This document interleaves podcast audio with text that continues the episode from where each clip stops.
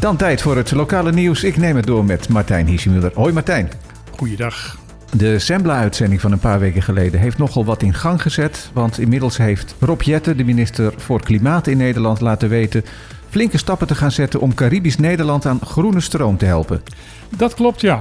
En dat is heel opvallend, want nog niet zo lang geleden zeiden de ministers en de staatssecretarissen allemaal van dat, ja nee, dat gingen we op termijn doen.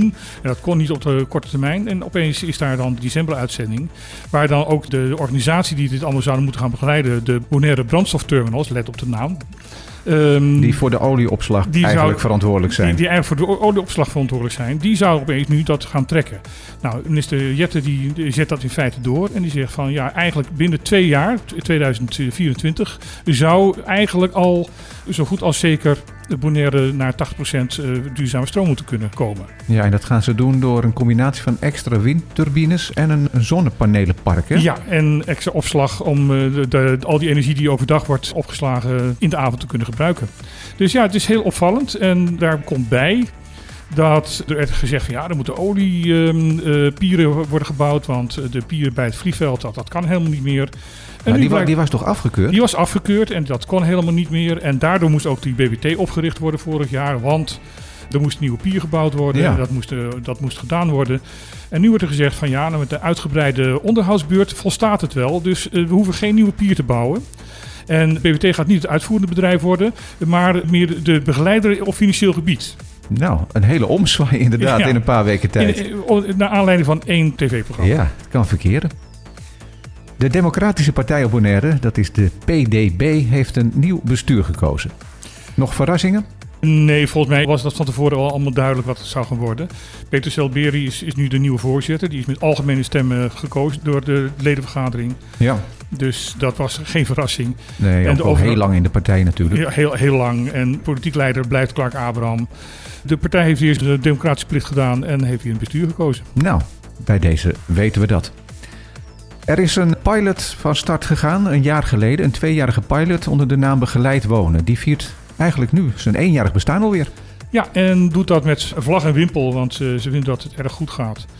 En ze zijn erg blij dat dat zo is. Er zijn acht jongeren op dit moment die worden begeleid in het wonen ja, enigszins zelfstandig wonen. Maar ja, het zijn kwetsbare jongeren. Het zijn kwetsbare jongeren tussen de 16 en 23 jaar. En op die manier proberen ze dus die kinderen tot volwassenheid te krijgen. En er is nu ook met Castu Bonero een overeenkomst gesloten. Dat als zij dus uit dit project gaan komen, dat ze eventueel een vaste woning via Castu Bonero kunnen krijgen. Ja, ik zei het al, het gaat om een tweejarige pilot. Ik neem aan dat als dit een succes blijkt, eh, dat het dan wordt voortgezet het ziet er wel heel erg naar uit dat het voortgezet wordt, omdat men nu eigenlijk al heel erg enthousiast is. Het is al een keer eerder geprobeerd door Jong Bonaire, maar dat is toen uh, niet helemaal goed gegaan. En ja, gelukkig dat het nu wel goed gaat, want er zijn genoeg jongeren op het eiland die het nodig hebben. Absoluut. Duikers die komen vaak uh, verstrikte en losse lijnen tegen tijdens hun duiken in de wateren rond Bonaire. Er is nu een oproep gedaan aan die duikers om een beetje te helpen om dat spul dan meteen op te ruimen. Ja, ben je aan het duiken en kom je vislijnen en andere rommel tegen, neem het mee naar de, de oppervlakte. Daar staan kokers klaar om het allemaal in te gooien. De Sea Turtle Conservation Bonaire heeft beloofd dat ze regelmatig die kokers zullen opruimen. Mhm. Het grote probleem zijn vislijnen. Ja, want het zijn dus niet de duikers die de rotzooi maken. Nee, maar nee, het zijn de vissers. Het zijn de vissers. Ja, natuurlijk ook niet expres, maar dat gebeurt dan uh, waarschijnlijk gewoon tijdens die werkzaamheden. Een, net, een, net breekt, een lijn breekt en dat zinkt naar de, de bodem. En dat ga je niet eventjes uh, achterna.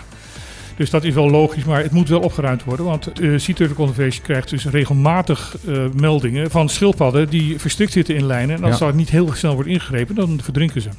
Nou, dat is een mooi initiatief. En het is misschien zelfs wel leuk voor een duiker om dat als opdracht mee te krijgen tijdens een duik. Dat denk ik wel. En ik denk dat duikers hier ook zijn voor de mooie natuur. Dus dat, uh, het is ook uh, in hun eigen belang op termijn. Dan nog even iets spannends, want Curaçao lijkt op de valreep ontkomen te zijn aan een scheepsramp. Wat is er gebeurd? Wat er gebeurd is, is dat toeristen van het Marriott Hotel opeens alarm sloegen... omdat een olietanker recht op het hotel afkoerste. Oh, dat is wel spannend inderdaad. Dat is wel behoorlijk spannend.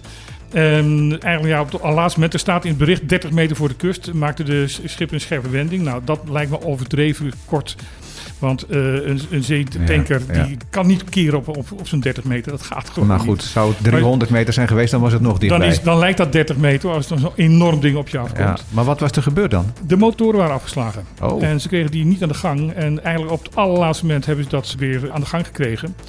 Want anders was hij echt op de kust gelopen. Dan was hij echt gewoon het hotel ingegaan. En dat is net gerenoveerd. Ja. dat was niet best geweest. Dat was inderdaad absoluut niet best nou, geweest. Goed afgelopen dus. Dan zijn we alweer toe aan het weer. Dat klopt. En ik eh, kan eigenlijk het weer van gisteren weer, eh, weer, eh, weer voorlezen. Nou, dan knip ik dat er even in. nee, zeg het maar. Nee, het is uh, wisselend bewolkt. Uh, maximaal temperatuur 31 graden. dat is anders dan gisteren, want was, toen was het 30. Minimumtemperatuur s'avonds uh, 25 graden. De windkracht is tussen 4 en 5, dus, dus vrij stevig. Uitschieters naar 6. Niet heel veel bewolking, maar wel enigszins kans op een buitje. Mooi. Bedankt wederom Martijn en tot morgen. Tot morgen.